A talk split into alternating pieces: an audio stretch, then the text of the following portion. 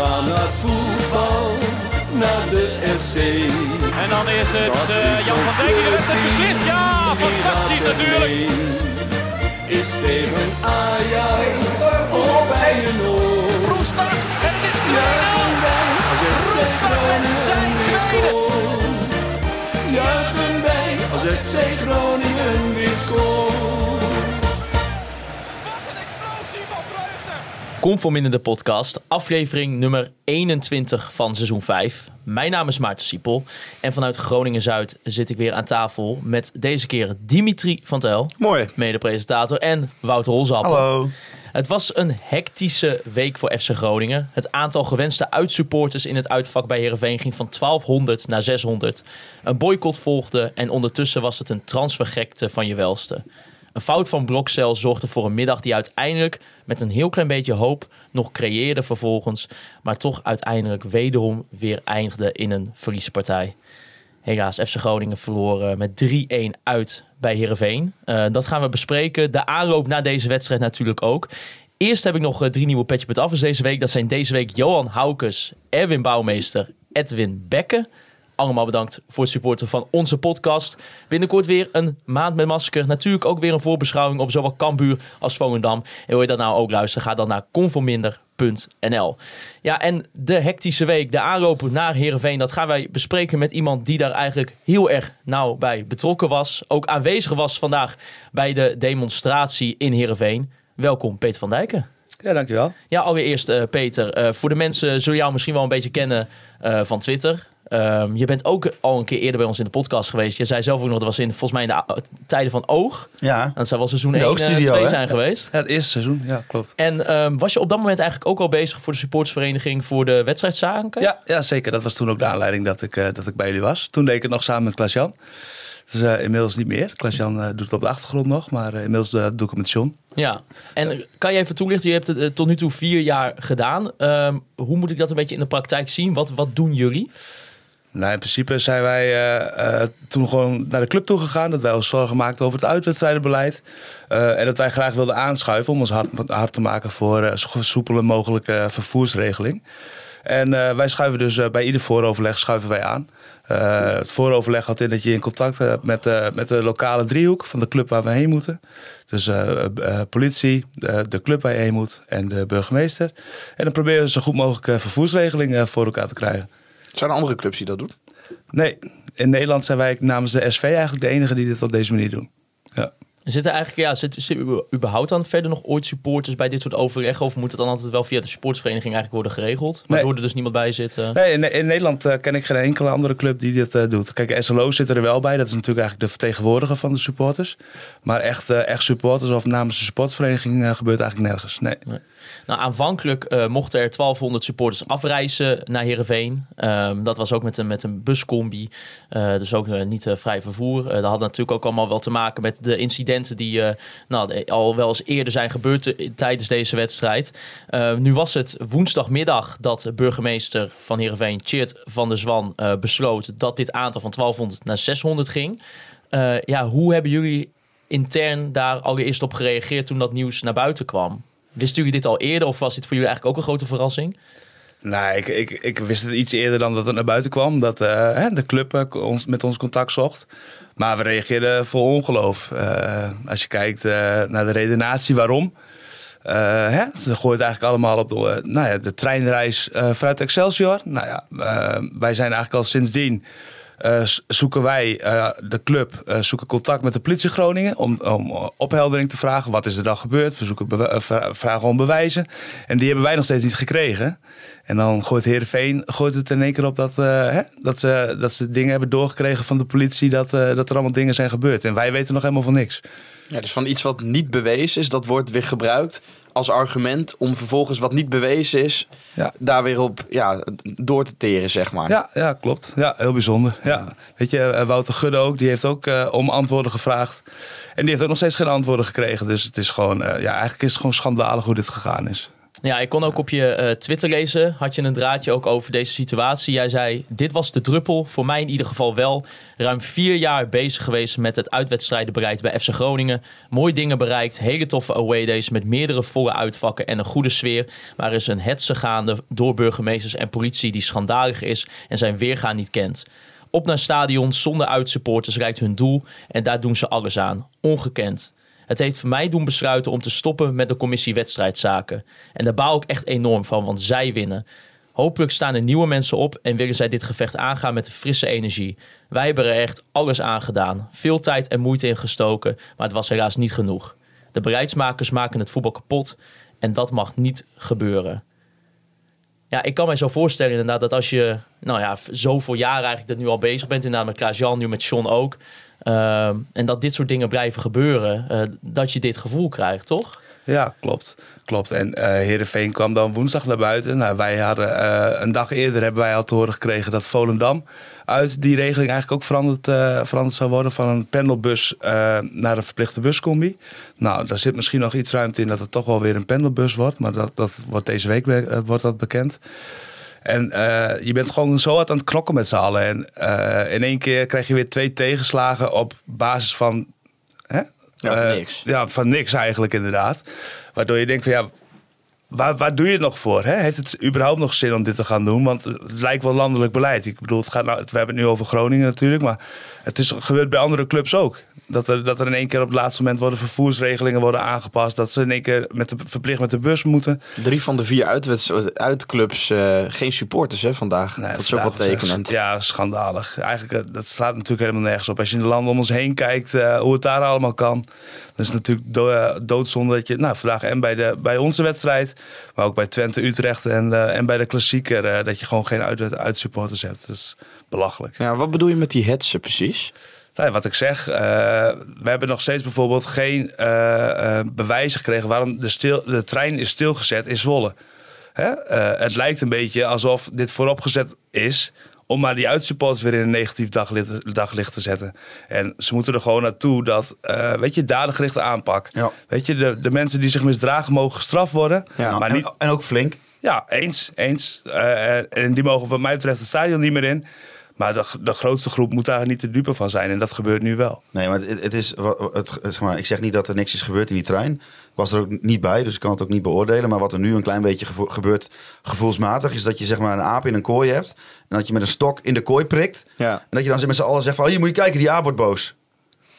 Ja, het helpt dat- natuurlijk dat dan ook niet om met 100 man daar te gaan staan. Eh, voor hoeveel man eh, zijn er? eh, politie Ja. met honden op dat station. Nou, ik, weet, ik wil, niet zeggen, wil niet veel zeggen. Maar als ik, als ik een, niks doe, en, of tenminste als ik in een trein zit en er komt een politie met een hond op mij af, voor, voor mij. Ja. Ja, dan ga ik niet heel, ons, heel ontspannen gedragen of zo. Ja. ja, wat ik gewoon totaal niet begrijp. En ik heb wel getwijfeld om, om dit ook wat te vertellen. Maar nou, veel mensen zullen het weten als ze bijvoorbeeld op mijn Twitter kijken. Ik maak bijvoorbeeld een politieprogramma met de politie samen. Dus ik heb me altijd een beetje stilgehouden over hoe dat soort regelingen gaan. Maar ik ben het met je eens. Ik vind, wat ik echt onverklaarbaar vind, is dat we in Nederland eh klaagt de politiebond heel vaak dat er, eh, dat er tekorten zijn aan politiemensen. En dan gebruik je je inzet op een zondagavond na een uitwedstrijd van Excelsior door met 100 man daar te komen voor, ja, hoeveel waren het er nou? Die zich misschien dan hebben misdragen.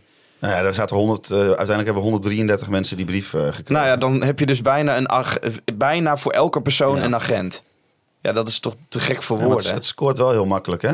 Ja. Van moet je, ach, moet je toch eens kijken met hoeveel we weer moeten uitdrukken voor Ja. die vervelende Maar dit is natuurlijk wel wat Peter, net, eh, wat Peter net zegt. Het gevolg is wel dat je inderdaad dan ook eh, wedstrijden als eh Volendam met de bus moet. Dat we misschien straks tegen Ja. Feyenoord geen vrij vervoer hebben. Wat we de afgelopen twee jaar wel hebben gehad. Ja, ja. Dat soort dingen komen er dan wel bij kijken. En ja, wij gaan regelmatig naar uitwedstrijden. Kijk, om even, even advocaat van de duivel te spelen. Ik kan me heel goed voorstellen als jij met 130 man in een trein zit. En je bent de hele dag onderweg geweest van s- s middags eh, tot s avonds naar een uitwedstrijd. Dat je behoorlijk wat, wat eh, alcohol in de pokkel hebt. En ik weet niet wat er nog meer eh, in, de, in, de, in het lichaam zit. Daar gebeurt wel eens wat. Ja. Natuurlijk gebeurt daar wel eens wat. Alleen, eh, wat hier dus constant gebeurt, tenminste wat mijn beeld hiervan is, is dat zeg maar de groep wordt aangepakt. En niet mensen die Nee, het zijn geen zich individuen. misdragen. Ja. Niet personen die zich misdragen worden aangepakt. Ik vind ook eigenlijk, hè, dat eh, wordt wel eens gescandeerd tegen alle stadionverboden. Nou, dat vind ik niet. Ik vind als, Nee, jij, vind ik ook. als jij je misdraagt, Ja. hè, zo moet het werken. Want zo blijven mensen die zich niet misdragen... kunnen gewoon op een normale manier voetbalwedstrijden Ja, bezoeken. maar om dan terug te, terug te grijpen naar het verhaal wat we volgens mij twee weken eh, geleden hebben verteld. Dat op een gegeven moment bij jullie mensen in de trein kwamen. Ja, die vanuit die trein kwamen. Die helemaal geen idee Nee, hadden waarom, geen- ze, nee. waarom ze van trein moesten wisselen. Nee, nou, dat het. zegt volgens mij genoeg. Want Dat zegt wel wat. Kijk, ja, maar als jij eh er last van hebt in een hele trein en er zou een hele grote groep eh, mensen zich misdragen, dan krijg je dat in die hele trein mee. Nee, en, ook bij de NS waren geen incidenten gemeld Nee. of eh, iets dergelijks. En ehm, eh, de politie moet, die, die werkt met het eh, KVV. Dat is een programma waar eigenlijk alle incidenten worden ingemeld. Nou, wij hebben de afgelopen weken hebben wij daar nog in gekeken. Het enige incident wat is vermeld na Excelsior uit... is dat er vuurwerk is afgestoken in het uitvak. Ja. En voor de rest is er niks over bekend. Geen incidenten in de trein. Eh na Zwolle is er wel wat gebeurd, weten we ook. Maar waar, wat is de reden geweest? Waarom is die trein überhaupt stilgezet in Zwolle? Daar komen gewoon geen antwoorden op. En daardoor besluit de burgemeester van Heerenveen wel... om ons nou, in eerste instantie zeg maar, met 600 man naar Heerenveen te mogen laten gaan. Maar op basis van wat? Ja. Wij krijgen daar geen antwoord op. ja, het voelt gewoon zo oneerlijk. Ja, en dat, vind het en dat is zo'n onvoorstelbaar kul argument... dat je zegt, ja, bij 600 mensen kunnen we wel controleren... dat ze geen vuurwerk meenemen. Ja, dat vind ik echt onzin. Ja. Ja, Er komen, gewoon 12, er komen gewoon 12 of 600 mensen. En als die mensen heel, heel, heel, heel, heel graag vuurwerk mee naar binnen willen smokkelen, dan lukt ze dat. Ja. Maar ja, dan dus het is gewoon echt een kul argument. Ja, maar om even in... eh, ik, bedoel, ik, ik bedoel, je kunt gewoon een fakkel in je reet steken als Ja. je wil. Ja, Ja. maar ook, ook eh, thuissupporters kunnen ook vuurwerk meenemen. Ja, tuurlijk. Je, neemt toch ook niet, je laat ook niet de helft van de thuissupporters naar binnen? ja. Dat gebeurt ook niet.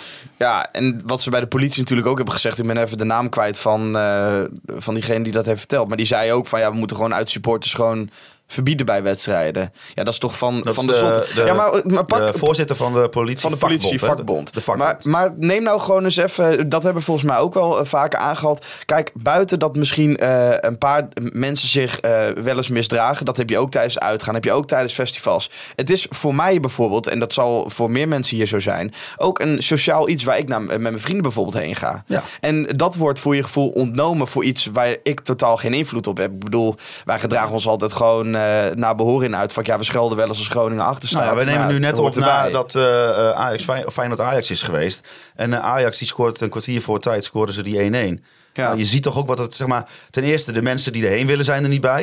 En ten tweede ook alle mensen die thuis of in de kroeg kijken, die zien daar gewoon een stil, stil Ja, dat geeft een beetje iets, iets triest, Ja. triest, ook bij die goal van Ja, het Groningen hoort- het hoort gewoon niet. Totale stilte. Het hoort gewoon niet. Ja, Nee. Het is gewoon heel raar dat je, zodra jij een kaartje koopt voor een voetbalwedstrijd, dan word je opeens anders behandeld dan wanneer jij als vriendengroep of weet ik veel wat Ja. gewoon naar een andere stad toe gaat. Kijk, eh, eh, vandaag eh, zijn wij naar de demonstratie geweest in Heerenveen. Nou, als we naar de voetbalwedstrijd waren geweest, hadden we verplicht in een bus gemoeten. De Heerenveen wilde alle namen hebben van de, van de supporters die heen gingen. Eh, gingen. Vandaag gingen we demonstreren. We mochten met de eigen auto mochten we, eh, naar het uitvak. Daar mochten we gewoon parkeren. Ze hoefden geen naam en alles te hebben. Er was helemaal niks aan de hand. Dus je wordt gewoon compleet anders behandeld wanneer je als demonstrant ergens naartoe gaat. Of wanneer je als voetbalsupporter Hebben jullie dat artikel in de Volkskrant gelezen? Ja, Was- van, eh, van die eh, leraar. Bart, Bart Ja. Toch? Ja, die ook vertelde inderdaad dat je eh, op je werk dan moet uitleggen, zeg maar, als je tegenwoordig naar een voetbalwedstrijd gaat, dat je niet als een of andere semi-hooligan ja, dat, dat, je, zo- dat je zo eh, bekeken wordt. Ja, ik vond het best wel, best wel treffend, want inderdaad, hoe we, nou wat ik net al zei, als je nu gewoon drie wedstrijden hebt waar geen uitpubliek eh, bij staat en je zegt dat je wel eens naar uitwedstrijden gaat, nou ja, bij, bij mij over de vloer zeggen ze dan altijd van, ja, je gaat toch niet naar Groningen naar een uitwedstrijd, dan moet je zien hoe dramatisch is. Maar ook gewoon eh, daaromheen zeggen ze ook wel eens, hoe, hoe, hoe, hoe vaak gaat het bij jullie uit de hand? Eh, zijn jullie ook altijd aan het rellen of zo? Je wordt als een soort ja, semi-hooligan gelijk bekeken. Eh, Ja. Ook als je bijvoorbeeld tussen de fanatieke aanhang staat of zo. Ja, en het is, maar is, is dat dan, dat wilde ik eigenlijk vragen, is dat dan ook de druppel voor jou uiteindelijk geweest dat je, dat je hebt ja, doen besluiten om ermee te stoppen? Dat het gewoon niet meer mogelijk was om, Nou, om uiteindelijk nog iets te veranderen? Nou, dat is het een beetje. Het is, eh, wij, hè, we kregen dus de afgelopen week het, het- het bericht dat Volendam in één keer zou veranderen. Nou, Heerenveen kwam er overheen. En je hoort ook van andere clubs de, eh, de problematiek die er speelt. Het lijkt alsof dit gewoon vanuit Den Haag zeg maar, eh, besloten wordt. Eh, we willen volgend seizoen het liefst geen uitsupporters meer. Eh, dus, en daar ga je niet van winnen. Ik moet wel zeggen, van de week, ik zat heel hoog in mijn emotie. Heeft Hebben we je nou voor niks uitgenodigd? Want we hebben natuurlijk de afscheidspodcast was dit, hè? Oh, oké. Nee, ja, ja, dan is het misschien wel voor niks geweest. En weet je, ik, je bent er gewoon vier jaar lang gewoon keihard mee aan, aan het werk. En, en, en het voelt alsof dat in één keer onder je, onder je voeten vandaan... Nou ja, eh, ik bedoel, wij, zi- we zitten hier in het huis van eh, Klaas-Jan. Dus wij spreken hem natuurlijk altijd als we gaan opnemen. Maar je- merkt gewoon ook bij hem, dat vreet gewoon echt aan hem. Ja, hè, dat, zeker. dat hele proces constant. Het is gewoon echt een heel energieslurpend proces waar je in gaat. Ja, Ja, maar zoals we Excelsior uit hebben beleefd, zo wil je toch elke uitwedstrijd beleven. Dat je gewoon rustig op je gemak met het treintje daarheen kan. In de watertaxi. In de, in de stad, in de watertaxi, niet alles ligt aan het water. Maar dan gewoon lekker daar in, in, in een restaurant, café gaat zitten, drie uur voor de wedstrijd. Dat Ja. je na met je zatte hoofd dat uitvak ingaat. Nee, maar ik ja. ben- ik ben- dat merken we toch ook allemaal bij onszelf ook. Ik bedoel, als, als ik dan zie inderdaad dat we verplicht in een bus naar Volendam... ja, dan, dan moet ik soms wel echt even nadenken van... ja, wil ik eigenlijk nog wel gaan? Want Ja, buiten dat Eh, kost gewoon 25 euro. Ook. Ja, ja, maar ja. heel eerlijk. Maar en uh, dus dat, dan is voor mij dan wel eens een reden dat ik denk van nou ja, dan ga ik wel niet. Weet je, naar Heerenveen soms met de bus. Weet je, Arra is nog enigszins dichtbij. Maar stel voor als je een keer uh, uh, met een verplichte buscombi naar, naar Eindhoven of zo Ja. moet. Ja, ja dat, dat, ik vind dat is zo verschrikkelijk. Ik bedoel, we zijn bij Twente in een uit, in die bus geweest. Na, ik dacht, daar ga ik dood. Ja, dat was ook, Dat dat was was ook een paar, maar dat was ook een paar eh, dagen voordat, eh, voordat die wedstrijd was, dat het ineens omgegooid ja, werd. ja, klopt. Ja, Ja. dat zou ook een keer pendelen worden, Ja. toch? Vanaf Holten. Hoe, hoe, ja. hoe kan het dan, eh, Peter, om, om het ook een beetje voor, voor, voor de luisteraar en voor ons ook een beetje duidelijk te krijgen? J- jullie maken dan op een gegeven moment, neem ik aan, een soort van afspraak. Eh, er is een soort van tot een conclusie gekomen. Eh, maar hoe kan het dan zo zijn dat er dan opeens zo paf dat verandert? Ho- horen jullie dat nog? Is dan nog iets bespreekbaar? Of is eigenlijk op het moment dat die keuze wordt gemaakt, dan, dan staan jullie eigenlijk alweer eh buitenspel? Nou, uiteindelijk bepaalt de burgemeester van de stad waar we spelen natuurlijk. En de burgemeester heeft het nu bepaald op de incidenten die volgens hem bij Excelsior uit zijn gebeurd. Of in de trein daarna. Ja, en eh, de, iets- stond in het dagblad van het Noorden iets over politie. Hè? Dat de politie door had gegeven dat FC Groningen zijn eigen supporters niet meer onder controle heeft. Ja, schandalig. Want, dat- want eh, weet je, eh, onze groeperingen hebben gewoon hartstikke goed contact eh, met de club. Eh, er is altijd supportersoverleg, dus eh, er is hartstikke goed contact. En dat staat ook echt helemaal nergens op dat dat op die manier in, eh, naar buiten is gekomen. Dat is echt niet waar. Nee. Nee, maar het is wel zo, kijk, weet je, de burgemeester besluit dat. Eh, ik denk dat je dan op dat moment nog hoog en laag kan springen, maar het staat vast. Dat Ja. ga, dat, daar kan je niks meer tegen doen. En Heb, heb je ook, ik kan me ook zo voorstellen dat je echt wel ook regelmatig een gesprek hebt eh, voor een uitwedstrijd dat je erheen gaat en dat je eigenlijk al weet van nou ja, eh, we gaan niet zitten, maar de kans dat we het voor elkaar gaan krijgen eh, is wel heel laag. Is dat wel eens dat omdat de, nou, de tegenpartijen in dit geval zo eigenlijk zo stroef zijn in ook misschien een keer wat toegeven of, of echt naar jullie luisteren? Nou, Heerenveen uit is wel een van de moeilijkste uitwedstrijden sowieso. Kijk, en we moeten onszelf ook in de spiegel kijken. Eh, eh, de Groningen supporters hebben, ze- hebben het ook niet altijd goed gedaan daar. Maar het is wel altijd, eh, het is meer het wat je meegedeeld dat eh, dit is de vervoersregeling en daar moet je mee doen. En dat is Ja. bij heel veel overleggen wel zo. Alleen het is ook regelmatig gebeurd, weet je, dat je bijvoorbeeld halverwege moet omwisselen. En dat doordat wij daarop ingaan, dat het omwisselen bij het uitvak wordt. Weet je, het zijn maar kleine dingetjes, maar Ja. daar doe je het wel voor. Heb je Ja. ook nog invloed op hoeveel eh, poortjes er ook open gaan bijvoorbeeld? en eh, of de catering niet ineens sluit? Ja, ja dat, we benoemen dat wel altijd. Kijk, Maar dat is ook gewoon iets van supportertje pesten, zeg maar. Ja. En dan fok je ook alleen maar mensen mee op. Ja, ja en Heerenveen heeft de laatste jaren gewoon telkens toegezegd dat er vier poortjes open zouden. En telkens gaan er geen vier poortjes Maar waarom open. niet gewoon acht van de acht? Ik snap dat nooit. Ja, dat heeft ook een beetje met de logistiek daar te maken. Want je komt eh daardoor die poortjes en dan kom je bij die trap uit. Ja. En daar heb je dus minder ruimte voor de viering, geven zij dan aan. Maar weet je, gooi dan in elk geval vier open en niet maar twee of drie, weet je. Ja. En er moet ook gewoon duidelijk gecommuniceerd worden. Geef dan eh, van tevoren informatie waarom gaan er maar drie of vier poortjes open. En niet op het laatste moment. En dan zie je wel stewards door die eh, poortjes die niet in gebruik zijn gaan. Ja, dat, dat, eh, hè, daar raken mensen alleen maar gefrustreerd Ja. van. Ja. Maar met zoiets als, eh, de- volgens mij is dat dit jaar voor het eerst gebeurd. Eh, je moet me even corrigeren als dat niet zo is. Dat je bijvoorbeeld nu ook zo'n pendelbus hebt eh, gedaan. Dus dat er een soort middenweg zit Ja, dat was tussen... wel de eerste keer naar NEC. Ja, dus een soort tussenweg tussen eigen vervoer en een buscombi. Zijn dat dan dingen die jullie met z'n tweeën bedenken van... oké, we weten zeker dat we voor een groot deel niet veel uit eh, eigen vervoer krijgen. Want volgens mij is het doel altijd zoveel mogelijk autokaarten. Want dan komen de meeste mensen. Nou, het liefst vrij vervoer. Ja, ja oké, maar als Ja. dat dan weg is. Ja. Dus je wil dan altijd een soort regeling treffen... waarin je dan zoveel mogelijk mensen met de auto kunt. Ja, ja Krijgen. 100%. Het was niet eh NEC dit jaar voor het eerst, maar we hebben een paar jaar geleden hebben we ook al een pendelbus. eh dat was nog voordat wij überhaupt bij de overleggen zaten, maar naar Roda gehad. Moesten we ook eh, vlak voor Limburg ergens moesten wij met overstappen op de bus. Maar het is nu wel zo, kijk, NEC kan ook maar een beperkt aantal auto's, auto's kwijt. Dus dan hebben wij wel gezegd, oké, dan gaan we kijken naar eventuele andere opties. En toen zijn we met die pendelbus gekomen, ja. Ja. En is de NS nog een speler in deze? Want ik kan me voorstellen dat als er wel verhalen zijn over treinen waar iets gebeurt, dat de NS zegt van ja, ik wil geen vrij vervoer, want dan slopen, Komen ze allemaal dan, dan slopen ze onze treinen. Nee, in principe heb ik dat nog niet meegemaakt dat de Nee. NS eh, dat verbiedt. Nee. Nee, precies. Maar heb je zelf ook gemerkt, misschien in die afgelopen vier jaar al, maar misschien ook langer als supporter al, dat het gewoon steeds strenger is geworden eh, als we het hebben over, over dit uitwedstrijdenbeleid wat landelijk wordt gevoerd? Nou, vond ik de afgelopen jaren juist niet.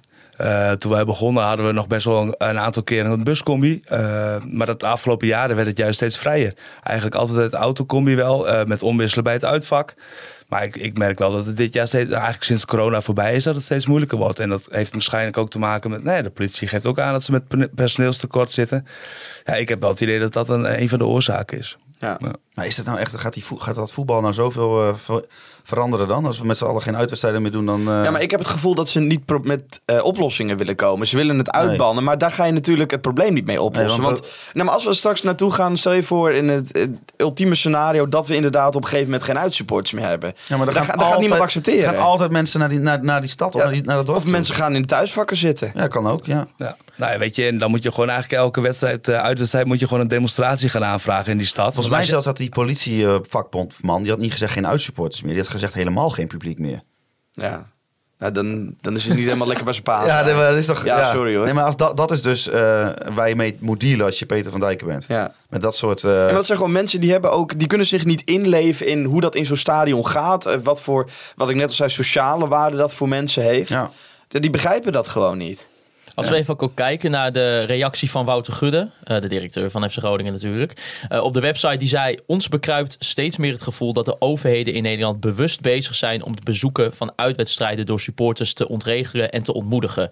Wij vinden dit een zeer zorgelijke en kwalijke ontwikkeling en zullen, bij, eh, zullen dit in gesprekken die we aankomende week hierover hebben met onze ketenpartners bovenaan op de agenda zetten. Eh, hij- steunt eigenlijk alles wat jij hierover even, onder Voordat jij dit zei, het woord ketenpartners niet. Ik ook niet, maar, eh Wout, ja, maar Wouter Gut is Gudde, een Nijrode mannetje, Ja, die altijd lekker eh, met die, met die woorden.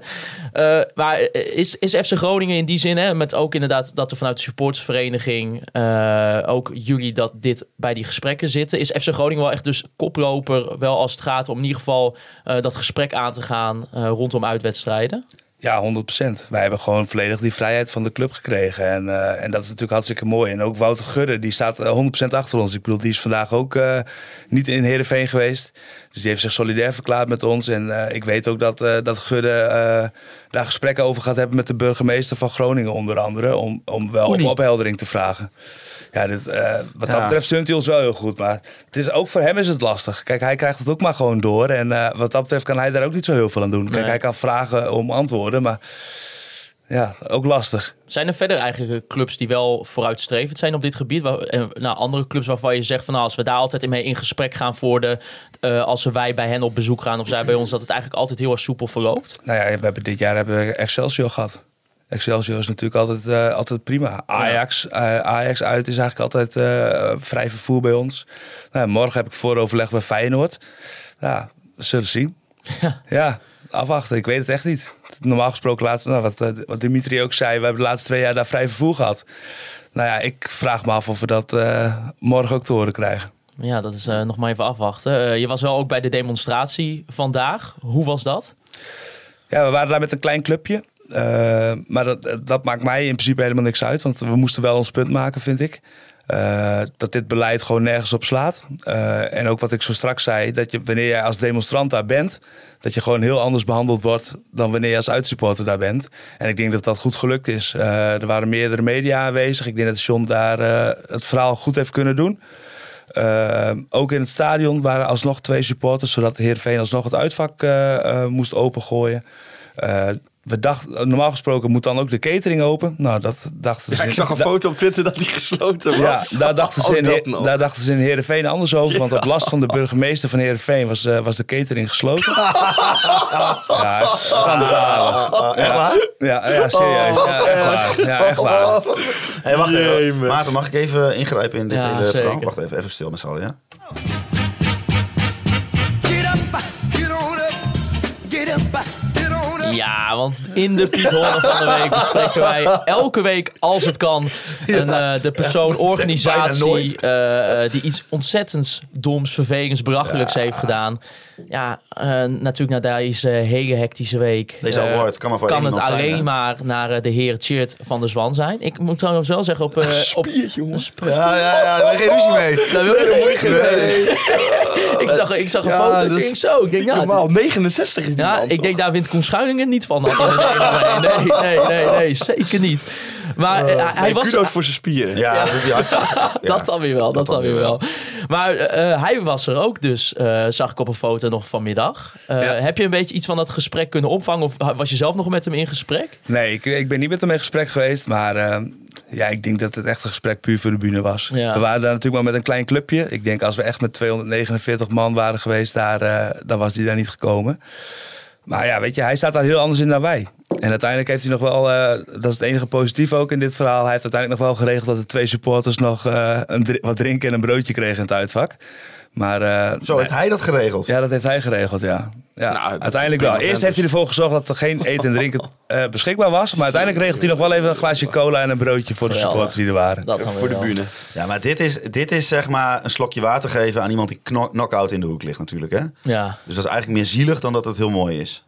Maar hoe moeten we eigenlijk eh, verder met dit, Peter? Wat, wat, zou jij, hè, vanuit de ervaring die jij ook met Klaas-Jan en met John eh, bijvoorbeeld hebt opgedaan...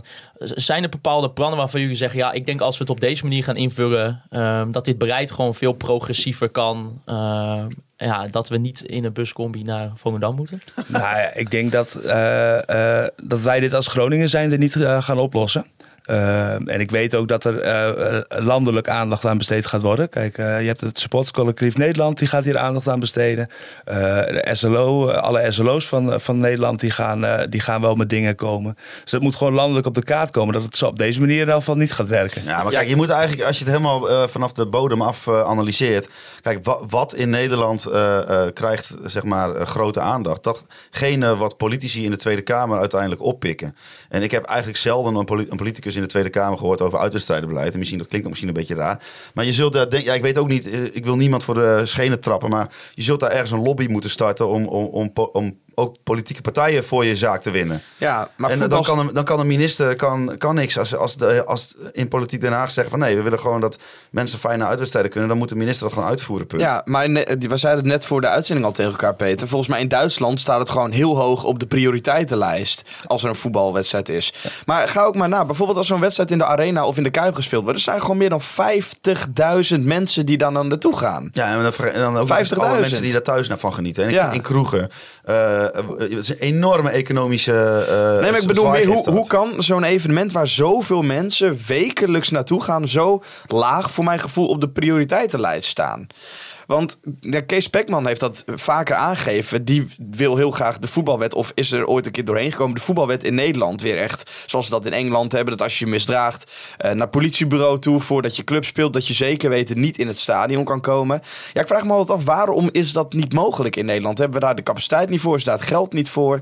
Want dat is toch gewoon, Nou, ik heel denk wel- simpel ik- gezegd, ik- gewoon de oplossing. Ik weet niet zeker, maar mijn inschatting is dat ze denken dat dat heel veel moeite kost. En dat, ze, hè, dat je aan het begin heel veel moet investeren in tijd, in geld, in moeite. Ja. Dus dat, dat, dat, dat is een soort berg waar, ze, dat- waar je dan tegenop ziet. En, dat, en dat, als je dan zelf niet overtuigd bent van het resultaat achter die berg. Ja, kijk, dan blijf je natuurlijk eh, maar bezig gaan met eh, capaciteit eh, op voetbal zetten. Ja. Maar ja, eh, je moet een plan hebben waarbij je dus zeker weet, of vrij zeker weet, dat die, dat die capaciteit daarna dus afneemt. Omdat je het goed geregeld Ja. hebt. Dus ik denk, het is, ja, het is gewoon een horde waar je overheen moet, denk ik. Je moet dat durven. Ja. En goed bedenken. Hè? Dat moet goed in elkaar zitten. Je moet niet zomaar iets gaan doen. Goed kijken wat ze in andere delen van de wereld doen. Nederland is ook weer een ander land dan Duitsland en Engeland natuurlijk. Maar ik denk dat je gewoon iets moet bedenken waarvan je zeker weet, dit gaat gewoon werken. Dus dan stoppen we er nu heel veel tijd, energie en geld in. Dan hebben we straks heeft iedereen daar gewoon baat bij. Ja, maar Ja. het is natuurlijk belachelijk. Want volgens mij hebben ze het, hadden ze het tien jaar geleden hadden ze het ook al over de voetbalwet. En het is natuurlijk belachelijk dat dat er nog steeds niet is. Kijk, dat is natuurlijk ook wel een beetje in Nederlands. er Ze zijn komen met heel veel goede ideeën. Ja, klopt. Maar, maar ze doen er niks mee. Nee. Ja, er zijn heel veel goede ideeën. En, en uiteindelijk belandt het op een berg en ze doen er vervolgens niks meer mee. En dan komt weer wat anders. Ja, en wat je in Nederland natuurlijk ook hebt. Nederland is het enige land in eh, Europa, in ieder geval in het, in, in, van de westerse landen. Waar wij geen gekozen burgemeester hebben. En dat is wel een beetje. eh, eh, ik heb, daar kun je voordelen en nadelen van noemen. Maar een van de nadelen is dus dat iemand is gewoon verantwoordelijk voor de openbare orde. Dat is gewoon zijn taak, zijn portefeuille. En die hoeft daar, ja oké, hij moet verantwoording afleggen aan de gemeenteraad. Oké, maar die is niet direct, zeg maar, hoeft hij niet verantwoordelijk aan het volk af te leggen. Ik denk dat er wel een klein verschil daaraan is. Het is trouwens eh, Hans Spekman, niet Kees Spekman. Ja, Voordat mensen Kees van eh, Spek gaan, eh, ja, gaan rectificeren inderdaad. Nee, ik, ik zou heel erg voorstander zijn van een gekozen burgemeester. Hè? Omdat je... Ja, maar we moeten heel geen politieke podcast worden. Nee, nee, nee. Maar in heel, in heel veel steden, je, je merkt gewoon verschil of een burgemeester veel met sport heeft of niet. En ik denk dat in dit geval dat dat gewoon wel echt heel veel, heel Ja, veel Koen uitmaakt. Schuiling die heeft niks met drugs en niks met sport. Hebben we de afgelopen maanden ge- eh, gemerkt. Want eh, Ja. drugsmensen, die mensen die de drugs gebruiken zijn zielig. En supporters stuurt die politie aan de deur met een brief in de hand. Ja, ook Ja, zoiets. nou ja. Dat, mogen helemaal eh, niks meer. En nee. Er is geen voetbal. Nee, nee law and order. die, law and order. En anders krijg je met, met de roe. Maar aan de andere kant, Peter, het is ook wel in vier jaar geweest eh, waarin we wel hebben gezien dat er ongelooflijk veel meer animo was voor de uitwedstrijden. Ja, ja, 100%. Ja, dit seizoen ook. Ja, Weet je, we hebben volgens mij eh, met Volendam er straks bij hebben we tien uitwedstrijden gehad. En daarvan hebben we er zeven, uitverkocht. Ja. Ja, dat Ja. is ongelooflijk. Weet je, we- vroeger wel een, een paar jaar geleden stonden we met, met eh, 39 man in Den Haag.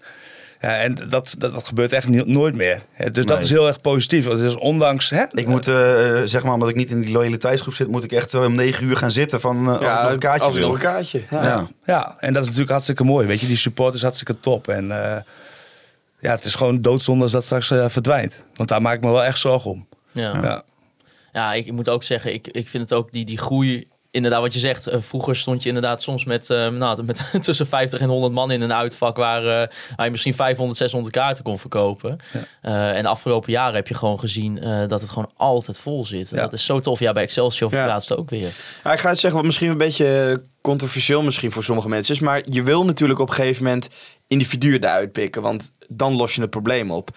En we hadden het voor de podcast nog wel over. Ja, zou je dan inderdaad niet moeten verplichten? En ik snap dat dat een, misschien een onderdeel is van een ultracultuur of zo.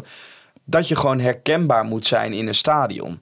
Want daarmee kun je toch op het moment dat mensen zich misdragen... ze er makkelijker uitpikken. Nee, dat, dat is gewoon heel lastig, omdat dat is de wet. Je Ja. mag je niet onherkenbaar maken. Dus dat is, dat is wel gewoon een, een, cultureel, eh, een culturele clash met de wet, zeg maar. Ja. Dan zit je aan Koen Schuiling, eh, dat is de Groningse burgemeester. En die zit gewoon heel erg op de... in die brief zag je dat ook.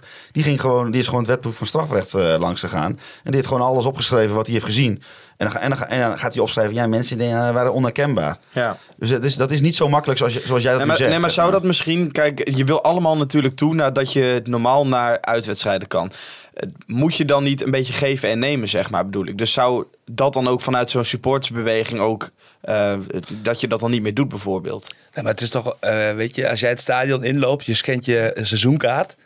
Ja, dus je bent in principe In principe, geïnteresseerd, weet- bedoel in principe weten ze toch gewoon wie er is. Ja. En, en, en ook eh, iedereen, eh, de Groningen weet wie er met ze meegaat naar uitwedstrijden. Tuurlijk. Ja, ja laat ik Eh, vooropstellen, ik weet helemaal niet hoe die ultrabeweging voor de rest helemaal in elkaar zit. Dus of dat Ja, maar iets ook, is wat normaal is. weet je, zo, de, de, camera's van tegenwoordig, die kunnen de pukkels op je neus nog zien. Ja, Eh, dus het is echt wel mogelijk om mensen te- identificeren. Alleen, het is gewoon heel erg lastig van, nou, ja, weet je, zulke dingen onderweg naar, naar, naar Ja. voetbalwedstrijden. Ja, Ja, weet je, precies. de, de politie zegt dit, eh, eh, de mensen die in die trein eh, hebben gezeten, die zeggen wat anders. De NS die zegt En- al niks. Nee, de NS Ja. zegt niks. En, en er komen ook geen bewijzen, want de politie komt met niks. Ja, waarschijnlijk wel naar Heerenveen, maar niet naar Groningen. Dat is ook, ook heel bijzonder. Dus ja, dat maakt het gewoon heel erg lastig. Ja. Maar kunnen supporters in die zin wel nog wat meer doen? Zelf? Ja, vind ik lastig. Ja. Vind ik lastig. Ik denk dat het wel heel belangrijk is, maar volgens mij als je dat verhalen hoort, dan gebeurt dat ook wel. Er wordt ook wel tegen elkaar gezegd van jongens, we gaan het gewoon netjes houden, we ruimen de trein op na, na die tijd. Ja, en sorry hoor, maar als jij naar een concert van eh, de Dikdakkers in Assen bent geweest, dan stinkt de trein ook naar alcohol. Ja, weet je, de, de ultra's hebben... Ja, de ultra's hebben die S'avonds in het weekend stinkt de trein naar alcohol. Want mensen zijn, bij, mensen zijn bij dingen geweest en zijn terug naar huis. Ja. Ja. Maar ja, als jij dan een voetbalwedstrijd hebt bezocht, wee uw gebeente, ja. dan bent u van ons. Ja, maar weet je, de ultra's hebben die dag eh, eh, eh, top geregeld. Weet je, ze hebben de hele trein, trein hebben ze opgeruimd. Ze hebben de vuilniszakken netjes Ja, bij de daarvoor ook vuilbakken gezegd op het station toch tegen Ja, iedereen. Alles ja. netjes achterlaten. Ja, 100%. Dus ja, wat kan je dan nog meer doen? ja. En, en, en ik denk dat iedereen opgefokt zou raken als hij in één keer anderhalf uur stilgezet wordt zonder enige eh, reden. Of zonder dat iemand naar ze toe komt waarom ze stilgezet worden. Dat ze daarna één voor één de trein uit moeten om een idee te scannen. Ja, dat slaat, dat staat natuurlijk nergens op. Een soort 1984, hè? Uiteindelijk wel. Er werd ook nog gevoetbald in Heerenveen. Oh. Eh, er werd met 3-1 verloren. Twee doelpunten van Amin Sar. Eh, voor, verder scoorde voor Heerenveen nog Perre van Amersfoort. En voor FC Groningen scoorde dan nog wel Florian Kruger. Eh, even kijken naar de opstelling van FC Groningen. Hadden we eh, eigenlijk vijf mannen achterin. Een 5-3-2'tje konden we zien. Ja. Met Merta, drie centrale verdedigers van Balker, Seurensen en Bloksel. Riem van Gelder stond natuurlijk rechtsback. Centraal middenveld duo van de ook een Nieuwering Hoven en Groen. En voorin Ricardo Peppi met Florian Kruger. Ja, en dan eh, gaan we toch lekker dat wedstrijdje in. En eh, na, na vijf minuten was hij al raak. Nee, maar eerst over die. Dit is natuurlijk eh, precies wat Thijs ook al weken zegt. Dit is precies weer wat bewijst dat Verderes de selectie totaal niet op orde heeft. Hij moet gewoon gedwongen, want we hebben tegen elkaar gezegd: je moet nu met vijf verdedigers Ja, spelen. dat is Groundhog Day, Ja. is het, hè? De- moet nu. Groundhog Day is die film waarbij je elke dag opnieuw zich afspeelt. Ja. En, we hebben nu Danny Buis gehad, die op een gegeven moment dacht van... ja, ik kan niet anders, ik moet wel naar vijf verdedigers. Toen kwam Wormoed, die zei... nou nee, we gaan met vier achterop spelen, want dat is mijn eh, speelstijl. Nou, dat was, duurde twee wedstrijden, toen speelde hij ook met vijf achterop. Ja. Toen kwam Dennis van der Rey, ja, nee, zegt Twee wedstrijden heeft het geduurd. ja. Ik eh, doe 4-3-3, want dat is mijn speelstijl. Ja, je hebt daar de selectie Nee. niet voor. Hoe tekenend is het dat je begint met Merten, waar ik het straks nog wel even over wil hebben, want het wordt echt triester en triester met de week. Maar dat je een linksback hebt, inderdaad, die alleen in een vijfmansverdediging kan spelen. Dat je, zei jij volgens mij, Wouter, in proeflokaal toen Ja. eh, we daar zaten te kijken. En op rechts speel je noodgedwongen, omdat Dankelaar volgens mij nog niet fit was, met een rechtsback die alleen in een vier, Nou, vooral in viermansverdediging, of vier- vooral in een Ja. viermansverdediging. Dat zag je ook wel, hè? want je zag verdedigend de- deed hij het best aardig. Maar zodra hij de bal heeft, weet hij gewoon niet, heeft, hij heeft niet de technische Ja. vaardigheden om het spel te verzetten. Maar of je nou dus met vier of vijf verdedigers gestart was, je had altijd op één positie eentje die niet lekker in zijn ja, op zijn positie staat. Absoluut. Ja, nou dan over die eerste goal nog maar even te hebben. Jongen, jongen, jongen, jongen. Ja. Echt. En maar wie zijn schuld was dat? Die van Blokzeil of die van Frits? Van beide. Blokcel Ja. moet hem daar gewoon, eh, gewoon al wegschieten. Eh, en, en Verhips moet gewoon als een kerel uitkomen. Nou, ik vind het vooral heel bijzonder. En dat is denk ik, eh, ik denk dat uh, Tijmen Blokcel vanavond in bed ligt. En dat hij dat moment nog wel een paar keer voor zijn ogen ziet gebeuren. Dat hij Sar eigenlijk voorbij laat komen. En dat hij gewoon ook zelf niet die volle sprint nog aanzet om eh, in, bij- in de buurt van de bal te komen. ja, maar Verhips komt ook als, als, als een slappe zakse goal uit. ja, dat was niet best. nee. Maar had, hij, had hij überhaupt moeten komen? Ja, Weet, weet ja weet Niet, niet zo snel, denk ik. Ja, of sneller of ja, niet. of, ja, precies. Niet zo, nee, dit was een beetje de, de goal. Ik weet niet welke wedstrijd het was dat eh El Kouri en, eh, en Peter Leeuwenburg dit een keer hadden. Dat er net zo'n twijfelbal tussenin valt. Eh, Geef van beide Ja, grijpt het was echt in. NEC uit. ja, NSC uit. En dan krijg je ja, zo'n klote goal om je oren. Ja, en ik vind het ook wel vrij bijzonder dat je met drie centrale verdedigers speelt. En dat je dan eh Tijmen Blokcel in een één op één hebt. Zonder dat er een andere centrale ja. nou, rugdekking of überhaupt hulp, zeg maar. Ja. Dat vond ik ook wel vrij bijzonder. Dat is van Noppet, hè? Als- ja, ja die, man, die man kan alles. Ja, die man kan alles. Ja. Maar ja, het is toch weer tekenend toch voor dit seizoen. Het is hoe- hoe tekenend voor hoe begint. je er nu voor Ja. staat. En Vorige daar wil ik wel bij zeggen, oh. Tijmen Blokcel, ja, eh Maar gast. zich best aardig, vond ik daarna. Jawel, ja, aan de bal. Ja, ik vind ook, het is ook lastig in zo'n elftal om dan als 17-jarige maar eh, elke keer de opening te vinden. Maar ik vind hem dus buiten die eh, eh, blunder, ik vind het wel een blunder van hem ook. Ja, zeker. Maar dan mag je hem ook gezamenlijk, beoordelen. gezamenlijke blunder met Verrips. Ja. Vond ik dat hij toch wel weer aardig speelde. Nou, maar ik vind wel dat je een onvoldoende scoort als je zo'n flaten maakt. Absoluut. Dan, heb je, al- dan kom je niet meer boven de zes Nee. uit. Ik hoorde vandaag wel dat eh, iedere wedstrijd er echt heel veel clubs voor Blokzeil op de tribune zitten. Dus Flederis die moet echt heel snel zijn contract gaan openen. Ja. Want tot wanneer heeft hij eigenlijk nog een contract? Eh, Dat weet ik zo niet uit mijn hoofd. Dat zou ik, zoek Nee. het zo even op. Maar eh, het, het is wel weer zo dat je binnen vijf minuten dus weer 1-0 achter staat. Ja, en Ja. dan bekruipt mij wel weer het gevoel dat het gelijk klaar is. Ja, zo zaten we er ook bij. ja, zo, ja, Verslagen. eerlijk. Ja. Echt, ik, ik, ik baalde ook zo erg vorige week van Feyenoord. Weet je, je hebt altijd die wedstrijd tegen Feyenoord, Ajax, PSV... dat je altijd eigenlijk wel redelijk meedoet. Weet je, je verliest er soms alsnog.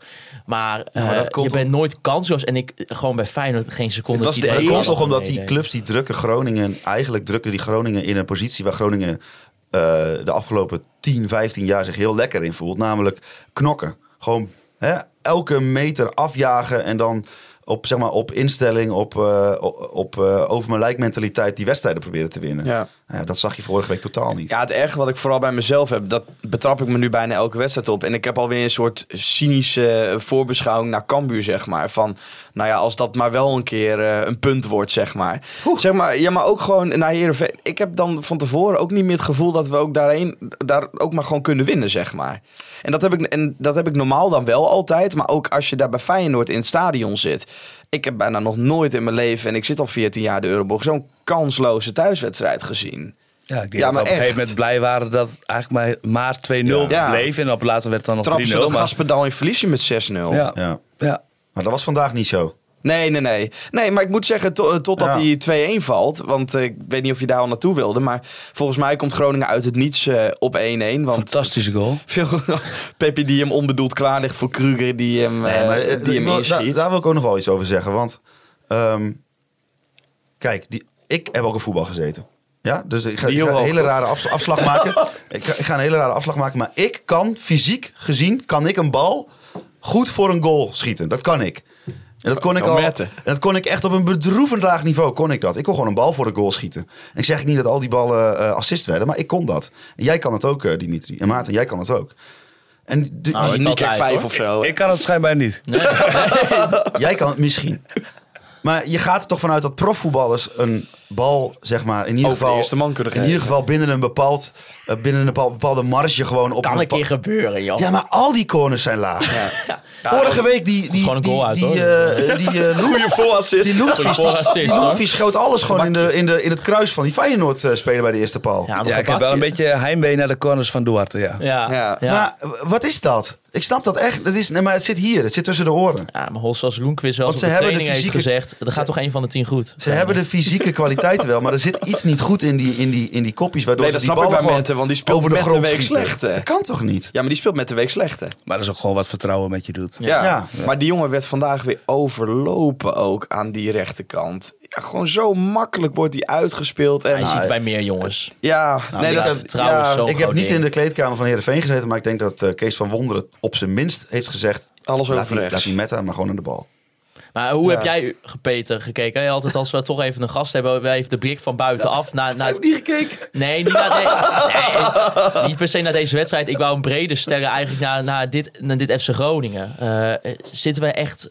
Maak jij je ook zorgen over, over de, de reststand van het seizoen? Ja, 100%. Ik denk als je je nou nog geen zorgen maakt, eh, dan is het ook niet goed. Eh, we zijn zitten inmiddels op de helft van de competitie. En eh, er is nog geen enkele lijn te ontdekken in dit hele elftal niet. 12 punten. Ja, 12 punten. Nou, ik las vandaag een tweet van, van Wim Masker. We hebben nog nooit zo weinig punten gehad na 17 wedstrijden in de Eredivisie. Po- En dat is de grote positivo, hè? Ja, nou, weet je, tuurlijk maak ik me zorgen. En ik, ik zie ook gewoon nog geen... zijn geen Eh, aanknopingspunten nee, om, helemaal om het niks. beter eh, te zien gaan. Nou, ik, heb, ik wel. Nou, wat dan? Nou, ik heb de, eh, zeg maar de aanknopingspunten die ik gezien heb is... breng jij nieuwe spelers in, die dus van buiten komen. Zeg niet dat ze heel goed gedaan hebben, alle drie. Maar breng jij de, dan zie je dat er iets verandert. Ja. Dus dit is eigenlijk een aanzet eh, naar Vladeris van... Ja, ik denk persoonlijk dat er nog vier of vijf spelers bij moeten. ja, ik ook. Die ook allemaal basis zouden moeten kunnen spelen. Ja. Nou, Flederen zat vandaag in het buitenland, hoorde ik. Dus eh, hij is met spelers bezig. Nou, dat is het minste wat we kunnen verwachten natuurlijk. Maar ik, ik zie, kijk maar zo Johan Hoven, hè. Eh, die ja, geen onaardige eerste helft gespeeld. heeft... Ja, eh, nou, ik, dit, in dezelfde tweet vond Wim dat het niet overhield. Je ziet wel dat dat iets toevoegt. Ook al speelde hij Ja. misschien niet meteen de sterren van de hemel. Eh, Alleen weer in die wedstrijd fit. Aymar Sher, Sher geloof ik. Aymar Sher, ja. Ziet dat dat iets toevoegt. Dat dat een bepaalde onbevangenheid heeft. Een frisheid die misschien in die selectie... die allemaal met de kopjes naar beneden lopen... dat hij wat, dat, dat, dat wat losmaakt, zeg maar. Ja, de daar- was een beetje ongelukkig. Surfer, ja, het was, niet, het was bij de... de, de, de- de- Ja, tweede en derde goal bij de tweede allebei en derde goal was hij niet zo... eh, Pakt ook geel. Ja. Ja, dat vond ik wel lekker. Dat was wel een mooie overtuiging. Ja, maar dat moet je een beetje in hebben. Dat pit in. Toen zaten wij wel even- Ja, dat vind ik wel lekker. Premier League tackles. Ja. nee, maar die precies. jongens bewijzen wel, vind ik, dat als je in deze selectie er drie, vier wegstuurt, nou ja, wegstuurt ho- hopelijk voor wat geld, en je gooit er vier, vijf jongens bij, dan kan het echt nog wel omgedraaid worden. Echt wel. Ja. Ik geloof daar echt in. Maar dan moeten ze wel komen. Moeten ze wel komen, ja. Ja, en het had gewoon eerder gemoeten. Want je bent nou gewoon de helft van je competitie ben je kwijt. Heb je nou niks meer aan, weet Ja, ik wel. maar- ja. Maar het is gewoon Ja, want- doodzonde. Want, het Kijk, het argument is- was dat we een vroege winterstop hadden. Hè? Ja, Want- uiteindelijk gaat drie eh, wedstrijden uiteindelijk, minder is. Uiteindelijk word je als technisch directeur gewoon afgerekend op eh, eh, nou, wat er uiteindelijk staat en wat de eindstand is natuurlijk. Maar ik snap wel dat die zo'n transferperiode gaat natuurlijk tegen het einde gaat echt loskomen. Dus ik, het zal me niks verbazen als in die laatste week, als Ja. we weer zo'n week als deze week hebben, zeg maar. Ja, maar ja, dan moeten natuurlijk ook jongens weg. Want nu is Casemiro is, is, is nu vertrokken naar Feyenoord. Dan moeten er meer weg. Sorry voor je script, eh, Ja, Maarten. ja. Of sorry, eh, wou je daar... Nee, dat is leuk. Ik wou eerst anders ook nog wel over de goal, hoor. Dat Nou ja, nee, ik, ik, was, ik was vooral nog wel benieuwd over die gehele wedstrijd, hoe jullie naar de debutant hebben gekeken. Thijs vroeg zich dat ook af, niet Thijs Thijs Faber. Faber. Eh, Thijs zonder H, die, die vroeg wat we Ja. van de debutanten vonden. Niet Ehm, onaardig. Hover speelde volgens mij gewoon best een redelijke wedstrijd. Alleen, ja, hij was niet wedstrijdfit. Dus hij kon gewoon... Want ik denk dat hij, eh, mocht hij wel fitter zou zijn... dan was Soeslof denk ik niet ingekomen. Nee. Als eerste, in eerste instantie. Dan was hij gewoon blijven staan. Want ik vond hem gewoon degelijk spelen. Ja, wat voegt hij toe? Ja, ik vind altijd zo moeilijk om na één wedstrijd te zeggen. Want Ja. eh, je, je speelt ook in, een- in een team wat eh, voor geen meter draait. Die jongen heeft volgens mij net ook een hele competitie achter de rug. Ja, dat zal wennen zijn. Ik denk dat je die ja, over vijf wedstrijden, als hij misschien wat fitter is en wat meer minuten heeft gemaakt, dat je misschien echt kan zien. Want hij heeft scorend vermogen. Tenminste, voor mij 11 of 12 doelpunten gemaakt in, eh, in de competitie in Noorwegen. Dat je, eh, dat, je, dat je dan wel echt wat meer van hem zal zien. Maar weet niet, het is toch. Ik heb, nou, dat heb ik altijd bij nieuwe jongens hoor. Ja. Dat, dat, dat je. Je geeft ze altijd toch de kans, zeg maar. Dus je hoopt dat er wat uitkomt. En ik vond hem vandaag gewoon, ja, gewoon een zesje. Was, was niet slecht. Ook niet onderscheidend. Dus het moet nog maar blijken, denk Ik. ik, heb, ik heb Groningen tegen Almere zien spelen. Ik heb Groningen tegen Spakenburg zien spelen. Ja, ik gelukkig allebei niet. Wat daar gebeurt in zo'n team is dat als er iets fout gaat, dat ze allemaal, weet je, ze kijken naar elkaar, ze beginnen elkaar voor uit eh, negativiteit. Dat is ook iets waar Dennis van der Rey denk ik heel druk mee is om dat eruit te krijgen. En wat die, van die, die nieuwe jongens nemen al die bagage van die eerste seizoen zelf niet mee. Dus het is heel lekker om naar nieuwe gasten in FC Groningen shirtjes, shirtjes te kijken, want die, die hebben dat niet. Die gaan niet meteen lopen Ja, die zeiken. voelen de en- druk wel, denk ik. Jawel, maar ja, die hebben niet al, 17, wed- al 16 wedstrijden, 17 als je de Spakenburg meeneemt, hebben ze niet al voor lul gelopen. ja. want ze staan echt voor lul, hè? Ja, Plus, ja. plus het laatste gedeelte van vorig seizoen, denk ik. Ja, dat dat ook nog wel meespeelt bij sommigen. Ja. Dus ik denk dat eh, het is een beetje lastig om ze zeg maar, te beoordelen of het goede aankopen zijn. Maar ik vind het voor het oog gewoon lekker. Nieuwe, drie nieuwe gasten erin. En Marco Kolk, ook luisteraar, die had ook een vraag. Die zegt: Het inpassen van nieuwe spelers heeft vaak tijd nodig. En heeft de FC eigenlijk die tijd nog wel? Vertrouw overigens wel op de klasse eh, en het behoud van de selectie. Ehm, eh, dat er met deze kwaliteit wel eigenlijk eh, nog binnenknijpen wordt. Ja, nee, Ja. Die tijd De heb je kwaliteit niet. van de jongens wel, maar ja, heb je ook genoeg kwaliteit eh überhaupt, over, overall, zeg maar. Ik, ik vind dat we op papier echt beter zijn dan clubs als Emmen, eh, als clubs als Cambuur, Volendam. Go Ahead Eagles. Uh, Go Ahead. Eagles. Alleen, eh, alleen op papier is dat niet genoeg. Eh, de druk bij ons is ook echt een stuk groter dan bij, clubs als, eh, dan bij die clubs, zeg maar. En dat gaat ook meespelen. Ja, en deze jongens zijn niet gewend om tegen degradatie te voetballen. En daar heb je toch... Ja, Gudde zei dat volgens mij in Milko, want die heeft altijd eh degradatievoetbal gespeeld. Ja. Daar komt gewoon wat anders bij kijken. Dan moet je gewoon echt een team zijn die knokt voor elke graspriet, knokt voor elke bal. En dat zie je niet in dit team. Nee, je hebt een paar echte leiders nodig. En Ja. ik denk dat die, dat die eh Seurissen dat wel kan zijn. Ja. Eh, maar dat is ook niet genoeg. Dus Nee. ik denk dat er Nee. deze week nog een paar ervaren Nee, spelers maar aan eigenlijk is het heel gek. Als je vooraf naar deze transfer eh, eh, window kijkt, dan denk ik... Ik zou zeggen, voordat je überhaupt ook maar iets doet... twee nieuwe backs, twee nieuwe buitenspelers. Ja. En waar begint eh Flederis mee? Met een centrale verdediger en twee middenvelders. Dus dan, ja, in mijn ogen, moeten er nog backs en buitenspelers bij. Ja, maar om nog antwoord te geven op de vraag. Volgens mij was de vraag van, is er nog Ja, tijd ja. om spelers in te passen? Die is er niet. Want Nee, je krijgt ja. nu Cambuur thuis en Volendam uit. Als je die twee wedstrijden, als je daar minder dan drie punten haalt... 2-1 of in het slechtste scenario 0... Ja, dan ben je...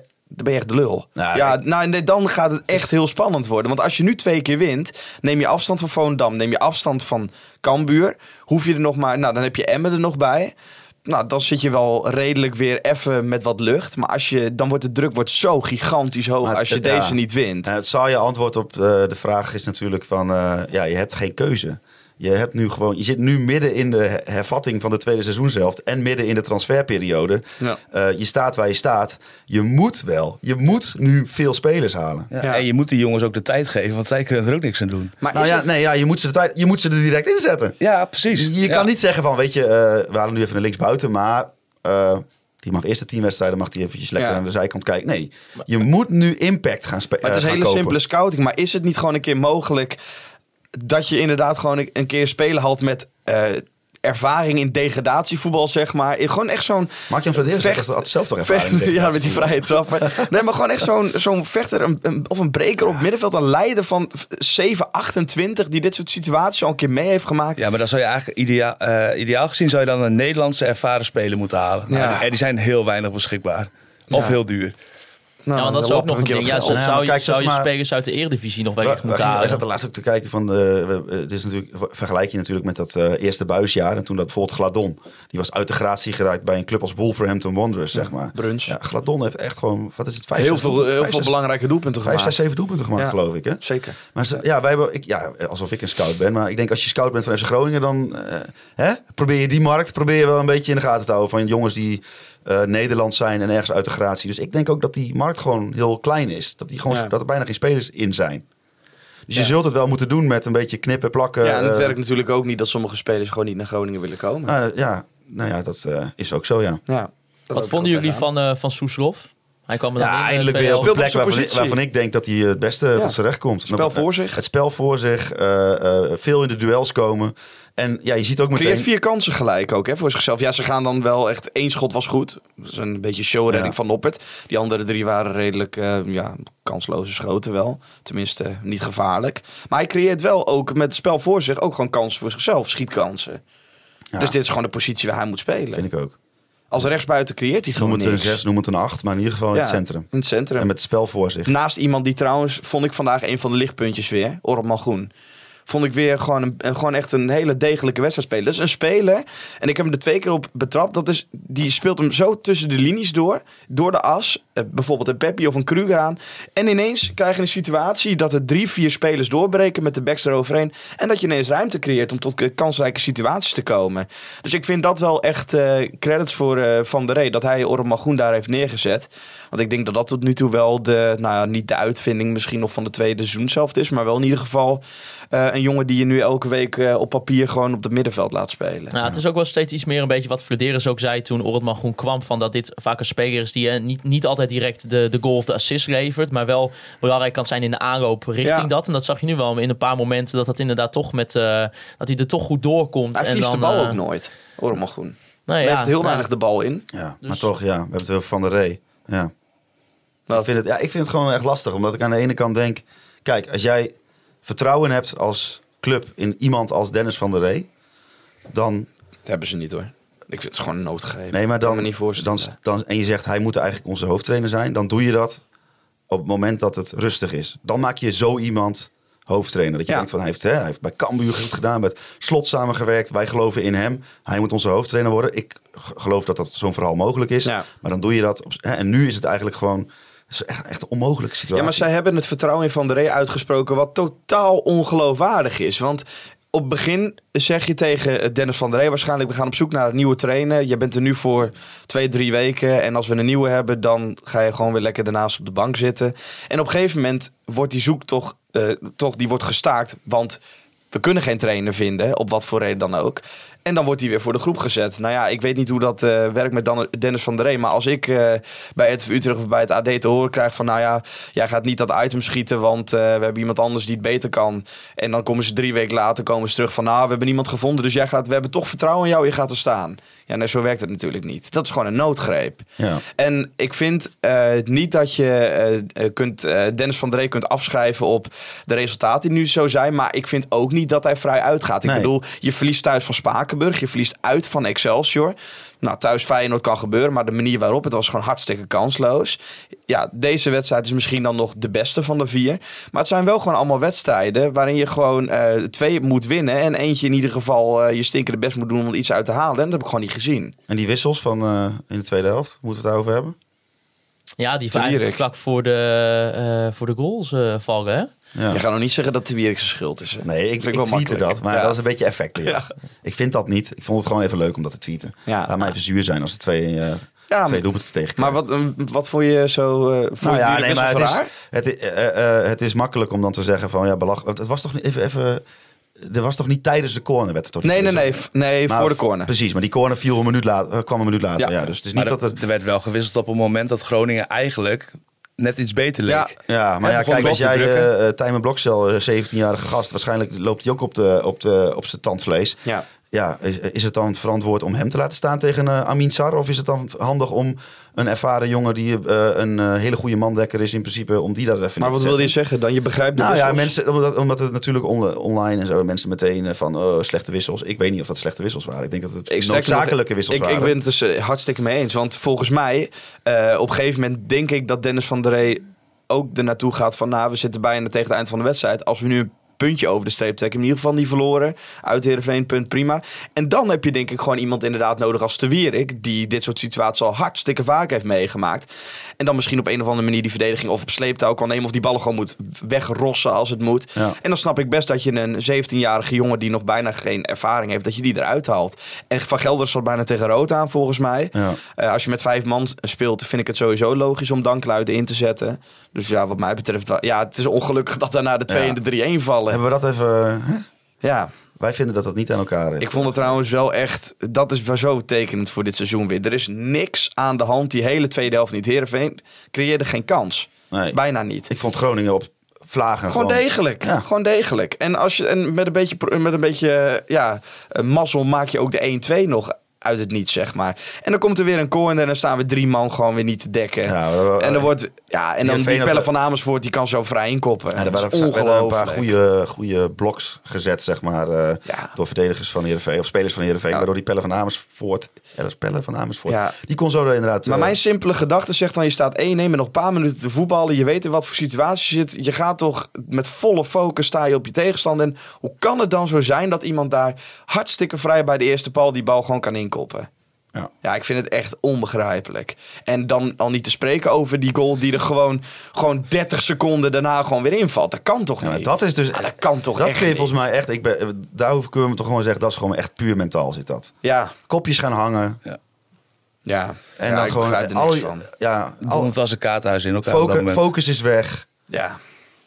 Het, het, het- hè, dat gevoel van Spakenburg, het gevoel van Excelsior, het gevoel van, van Fortuna vlak voor de, voor de Ik winterstop. vind dat altijd zo makkelijk. Ik bedoel, je kunt toch... Het is toch niet zo dat als je ineens 2 en achter komt, dat je dan je man niet meer dekt? Die Surzen staan gewoon verkeerd te dekken, waardoor Ja, die 3-1 dat valt. fouten, ja. Dan moeten snel Ja, uit. Ik vind het echt onbegrijpelijk. Maar ja, goed. eh, Het is inderdaad gewoon de, de periode waar je in zit als club, denk ik. En dan vallen dit soort eh, klappen nou eenmaal. Dat moet je ook als supporter maar accepteren. Ja, ik was in proeflokaal Ooghout echt eh, wit heet. Ja, nee, ja, zoals ik het nu ook zeg. Ik vind het gewoon onbegrijpelijk met nog een paar minuten te spelen... dat gewoon zo'n speler vrij kan inkoppen... en dat vervolgens dan ook gelijk die 3-1 valt. Maar het is inderdaad gewoon eh, ja, de periode waar je in zit. Je zit gewoon in de, in de hoek waar eh, alle klappen momenteel vallen. Om het zo maar te zeggen. Ja, ze hebben vier dagen om die fouten eruit te halen.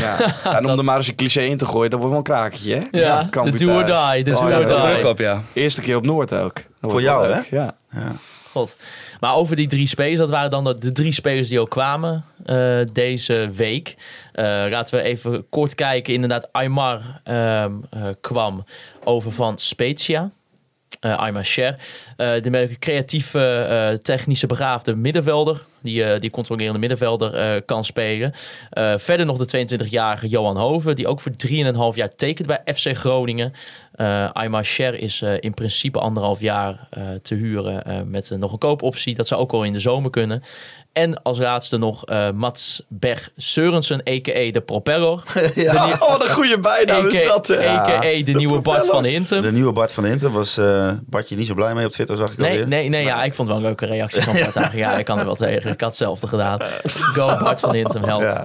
Ehm, nou ja, een paar lekkere baltjes ingegooid. Ook Prem Proven. eh, jong, en die jongen huren we dus tot het einde eh, van het seizoen. Komt dus over van, eh, van Brentford. Ehm, Heeft hij gespeeld juist, die Prem Proven? hij, hij, hij is Prem Proven, ja, elf wedstrijden. Dus dan ben je aardig Prem Proven. Ja, is na Alsoro de volgende. Dan. De Alsoro was ook volgende. Ja, zeker. Ja, dat hebben we gezien uiteindelijk. Dus eh, dat biedt de mogelijkheden. Ja, Peter, als jij een beetje kijkt naar de- deze transferweek eh, die we hebben gehad, dan met, eh, met drie nieuwe spelers, mo- moet er volgens jou nog veel meer bij? Of Ja, ik denk niet dat, dit, dat we het hiermee gaan redden. Eh, ik denk dat je sowieso moet beginnen met een links- en rechtsback. Eh, en het liefst ook nog wel wat buitenspelers, want die hebben we op dit moment ook niet. Eh, het is een begin, maar ik, had, ik was begonnen met de backs. Ja. ja. Ja. Ja, ik ook. Ja. En, een aanvaller met diepgang. Zoals Ja, dat want je kunt ook geen 4-3 spelen laten als je geen vleugelspitsen hebt. Nee. Ja, nou, je hebt toch vandaag gezien, Peppi maar en je- Kruger stonden Je voorin. zag een paar keer zag je, eh, Van Gelderen met de bal aan de voet. En dat was op dat moment de buitenspeler, zeg maar de opkomende wingback. En het was, zeg maar, verdedigend hartstikke prima, maar voetballend zo armoedig. Dat kan gewoon niet. Dan ga je nooit scoren. Nee. Al ook wel, ik denk, als je een backup had voor Dankelui... en ik zit nu wel in, in de fase dat ik denk, blijf me gewoon 5-3-2 spelen. Ja, als je Dankelui is geen- Kruger- Ja, maar ik, vind, ik denk dat Dankelui als rechter wingback best wel, best wel prima is. Maar Dankelui is geen verdediger. Nee. Dankelui is iemand die echt voor het laatste half uur, als er iets geforceerd moet worden, met al zijn rare loopacties, dan dat hij weer van... rare speler Ja, dan. is het volgens mij echt een ideale eh, speler, maar het is gewoon geen speler voor de basis Groningen. Dat vind ik gewoon echt, vind ik echt dat hij tekort voor komt. Ja. Perfecte 13e, 14e man. Maar denk je dat de- de- deze drie jongens die er nu bij zijn gekomen, dat het potentieel iets is waar je echt wat daadwerkelijk aan gaat hebben dit komende half jaar? Nou ja, wat, ja dat denk, Denk ik wel. Ja. Vooral Kijk, aan die Hoven ja. en aan die Sursen. Ja, inderdaad, die Armand Cher, ja, dat, dat moet ik ook nog maar zien. Maar is ook meer volgens mij Nou, die gehaald vond ik ook wel als- aardig hoor. Die, heeft, die had echt al wel weer... eh, Ja, maar is volgens Maar mij wel meer wel gehaald een- met het verhaal weer van eh, unieke buitenkans voor een talent die we eventueel kunnen halen. Dus die nemen we. Volgens mij is hij niet bedoeld om er gelijk te staan en, en wat nee, oké, maar ja, ik bedoel... eh, eh, Het zijn Wat- projectjes. wat, Ja. wat staat Ja, er? het is een projectje. Hey, maar wat staat er wel? Dus geef hem de kans maar. Ja. ja.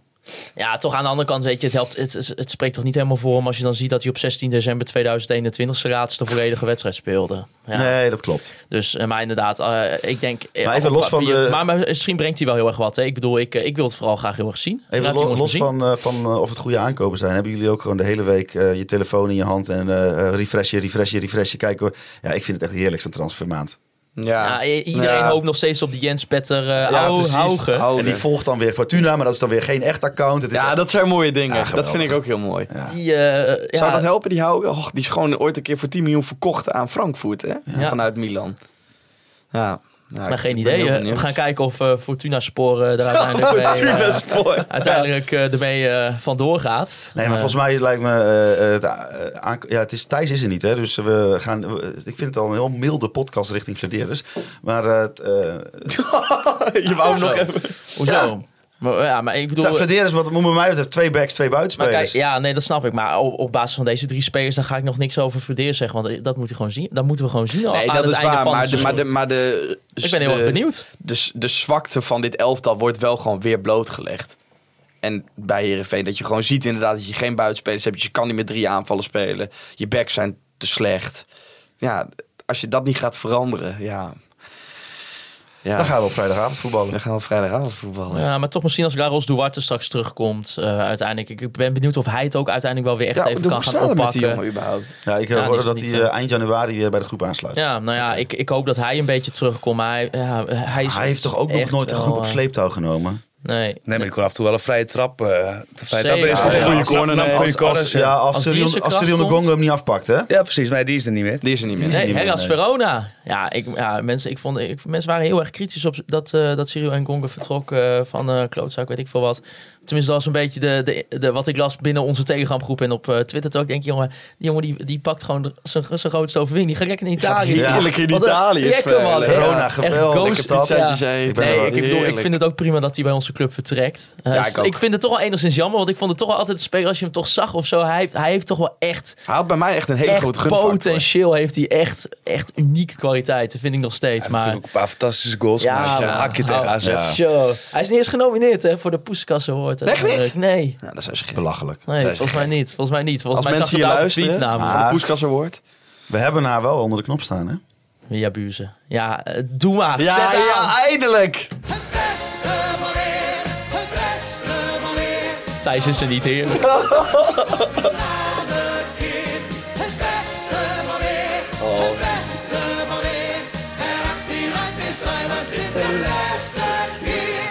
en ik zou zeggen, eh Cyril, heel veel plezier. Ja. Ergens Verona, mocht je toch nog een keertje luisteren. Eh, Zeker. ja, heerlijke transferman. Eh, De stad van Romeo en Julia, hè? ach, man. Verona. Geweldig. Eh, en dan hadden hebben we nog eh, Nana Naraisio Casanvirio. Ja, Die vertrekt eh, voor uh, pakkenbeet anderhalf miljoen naar, naar Feyenoord. Eh, exclusief bonussen. Ja, eh, Inclusief bonussen. ja Nee, exclusief. Oké. U- uiteindelijk eh, 52 wedstrijden gespeeld voor FC Groningen. Eh, een speler waar we in het begin heel erg enthousiast over waren. Maar iemand waar volgens mij we nu ook allemaal van concluderen dat het voor beide partijen is dat, eh, dat het uit elkaar gaat. Ja, ik denk dat als je, ik denk dat je, als je, als je inderdaad dat het een win-win is. Ik denk als je dit nou echt zo iemand is die, als je hem puur individueel bekijkt, is het gewoon echt wel jammer dat het er niet meer uit is gekomen bij eh, FC Groningen. Het- volgens mij echt wel de potentie om een dragende speler voor een club op het niveau van FC Groningen te zijn. Alleen in deze situatie moet je gewoon, je moet gewoon die selectie gaan, gaan verversen. En dan is het denk ik uh, Casemiro die de laatste weken een beetje, toch een beetje met de kop naar beneden bijloopt. Is denk ik weer een heel geschikt Ja. persoon om dan te verkopen als Feyenoord Als deze komt. jongen een beetje discipline bij eh, spijkert, dan denk ik dat het bij Feyenoord echt een hele goede verdediger kan gaan worden. Alleen, ja, ik zei het net voor de podcast al, eh, Casemiro is gewoon een speler die je niet kan gebruiken op het moment dat je tegen degradatie aan het voetballen bent. En misschien zal het te maken hebben met dat hij bijvoorbeeld bij Ajax eh, altijd gewend is om altijd in de, de bovenste rang van de competitie te spelen. Met dit soort tegenslagen nooit te maken heeft gehad. En nu worden er gewoon hele andere dingen verwacht van eh, eh, leuke dingen met de bal kunnen. Ook gewoon een stukje vechtersmentaliteit. Heel veel tegenslagen mee om kunnen gaan. En deze jongen heeft gewoon bewezen dat hij dat in ieder geval in zijn tweede seizoen gewoon niet kan. Ja. En denk, denk ik daarom dat het gewoon goed is dat hij weggaat. En ik denk dat met Arne Slot straks als trainer... dat het voor hem gewoon heel goed is dat hij straks bij, eh, lekker bij Feyenoord zit. Ja. En dan kan hij daar gewoon weer eh, rustig aan beginnen. Hij zal daar vast niet in de basis Maar ja, komen. dat boeit ons niet meer, want hij is weg. Nee, precies. Maar ja, ik zou het wel leuk voor hem vinden... Ja, als hij klopt. natuurlijk eh, op Ja. een gegeven moment daar weer gaat spelen... en eh, daardoor gaat ontwikkelen. Maar ik denk als je er nog eh, anderhalf miljoen... en volgens mij kan het zelfs oplopen tot misschien wel 4 miljoen... en zit, dacht ik, een doorverkooppercentage van 15% op, eh, Peter. Ja, dat hoorde ik ook. Ja. Ja, klopt. Jullie weten ook alles. Ja, dan heb je. Ja, ik denk dat, ik denk dat gewoon voor een goede beide deal partijen. ja, voor beide partijen denk ik. Ik denk dat hij eh, eh, heel veel eh, hulp heeft nodig gehad vorig jaar van Buis. Buis heeft heel veel energie in hem gestoken. En hij heeft vorig jaar echt een hele goede periode gehad bij ons. Dit jaar eh, echt, wel, echt wel een heel stuk minder. En ik denk dat eh, wanneer hij dat weer kan oppakken, dat eh, ook bij Feyenoord, dat hij daar wel kan doorgroeien. Ja, en gewoon lekker centraal achterin daar weer zetten. Dat had hij hier ook, eh, denk ik, moeten Krijgt staan. Nana ook via? Ja, nee, nee, nou, Ja, nou, überhaupt al. Ook speciaal voor thuis. Speciaal van Thijs Faber. Vanuit, die zit nu in Bilbao, hè? Ja. Zou die ook met zijn handen zo omhoog zitten te zwaaien als hij toch? Dat doet hij nooit. Ja, die zit nu in de auto waarschijnlijk als hij dit luistert eh, naar Madrid. En dan zit hij in de auto met zijn handen. Ja, maar ik, denk dat hij heel hard aan het vloeken is. Ja, maar- Ja. maar mensen zien het niet, maar wij zitten altijd mooi vrolijk te zwaaien. absoluut. als, als Op de Via- tafel als- staan. Als, Via gaat zingen, dan ben ik vrolijk. Heb je nog Thijs onder de knoppen staan? ik heb Thijs onder de laten we knop dan- staan. Laten we nog even naar Thijs luisteren. Hij is er dan niet bij. Hij zei, ja, ik wil wel per se iets in de podcast zeggen. eh, Dat. Eh, laten we even naar Thijs gaan. Heeft hij een beetje last van. FOMO? Ik zei Ja. tegen Thijs van hou het kort, want anders knip ik je, hè, eens- dan knip ik je kort. En toen zei Thijs, jij gaat er niet over wat ik stuur en dit is het geworden. Hallo jongens en beste luisteraars. Ehm, hier even een klein bericht van mij vanuit mijn hotelkamer in Bilbao in Spanje. Waar ik eh, ja, echt net een, eh, een half uurtje geleden ben aangekomen. Vanavond staat hij op het programma Atletiek Bilbao Real Madrid. En ik moet zeggen, ik heb flarden van de wedstrijd van FC Groningen meegekregen. En ik durf wel te verwachten dat dat een betere wedstrijd wordt dan wat eh, jullie vanmiddag hebben moeten aanschouwen. Het was, denk ik, eh, de derde minuut of zo. Toen eh, kwamen wij net de Spaanse grens over. En eh, ja, dus stonden we bij een, bij een tolpoortje. En dat ging niet helemaal van de leien dakje. Want alle pinpassen die we op zak hadden, werden geweigerd. En ja, twee jonge millennials die wij zijn, waren wij natuurlijk op stap zonder cashgeld. Eh, nou ja, ondertussen dat gezeik viel het internet uit. Eh, toen dat eindelijk was opgelost en we weer verder reden... eh, bleek Heerenveen de 1-0 al te hebben gemaakt. Dus dat was een, een heerlijk begin van de wedstrijd. En daarna volgde ik via RTV Noord de rest van de wedstrijd... waar ik Azing Griever, denk ik, 40 keer de verkeerde naam heb horen uitspreken. Volgens mij is dat nog laag, maar mensen die vaker naar RTV Noord luisteren... ja, eh, co- corrigeer me daarop. Ehm, eh, fijne uitzending gewenst. Eh, ik hoop dat eh, Peter eens even lekker los kan gaan op die waardeloze burgemeester van Heerenveen. En eh, laten we alsjeblieft hopen dat er nog wat spelers bij komen in dit elftal. Want eh, dit leek helemaal nergens op. Jongens, fijne uitzending. Lekker man, Bilbao. Ik vind dat Thijs opgewekt klinkt, hè? Vakantie doet hem goed. Ja, maar ik denk die ligt vanavond zwetend in bed. ben ik heel eerlijk in. Die gaat die hele wedstrijd Die gaat die hele wedstrijd terugkijken. Zo, Die kwerking. Eh, hij noemde dan Azing Griever om een klein beetje nog azijn toe te voegen aan deze podcast. Wat zijn nou nog echt spelers, jongens, waarvan jullie zeggen... daar moeten we eigenlijk sneller dan vandaag nog eh, afscheid van nemen? Ehm, ja, ik ga Kali. Ja, Kelly, Kali. Moet, Kelly. eh, dat lijkt me, lijkt me heel goed om zeg maar een, een, een, een back eh, terug te halen en dan Kali weg. Zodat ook Meta zeg maar tweede linksback wordt. Een rol die hem op dit moment denk ik goed past. Ik denk eh, dat je ook van een van de twee rechts... Ja, ja ik vind, Dankelui is wel altijd een beetje soort van, heb ik een beetje de gunfactor voor me. Ja, ik dat denk heb ik ook ik wel ik denk dat hij eigenlijk, weg, moet. Nee. Nee. Nee, hou op joh. Loentvist, Iran dus en misschien Abraham tijdelijk. Ik zou En misschien Iran dus misschien ook wel tijdelijk doen. En misschien Pelopessi Ja. ook wel. Maar Iran Doucesvi volgens mij ook helemaal niet meer... eh, die wil hier ook wel weg volgens mij. Tenminste, dat heb ik ergens gelezen. Pelopessi gewoon weer niet, niet- gewoon niet ingevallen. hè? Nee, nee. Dus de eh ho- joh, hovenbasis, die lekker. Sher mag invallen en Pelopessi die gewoon Ja, niet, maar die eh, zat nog zijn geld vanuit Turkije te, te hebben. Die had er geen tijd voor. Die zat op de bank. Niks Ja, uit, joh. ja, ik, ja, ik, Ik zou ja. Loentvis wegdoen. En Ja. Paulus Abraham misschien ook. Zou je daarvan zeggen nog verhuur? Of zou ja, je gewoon zeggen... halfjaartje verhuren. Even weer bij... eh, Maar, ja, ja, maar, je komt, maar als je straks in een situatie komt dat je geen aanvallers gaat halen, zul je hem nog nodig hebben ook. nou ja, ik bedoel... Ja, hij is- ja, nee, maar ik bedoel, serieus. Dat is de enige die nog soort van diepte misschien dan nog eh, heeft. Snelheid, eh, iets van een actie. Kijk, ehm, hij heeft tot nu toe is het een miskoop, Ja, maar er zit wel wat in. het wordt de redder van dit Nee, maar er zit wel wat in die jongen. Ja, Alleen ja nee, zeker. Dat vind ik ook. Het is te hopen voor Groningen dat het er een keer uitkomt. Want dan heb je wel wat aan hem. Ja, maar dat heb je zo met zo'n Iran Doest ook. Ja, die heeft ook wel, je hebt altijd wel van die.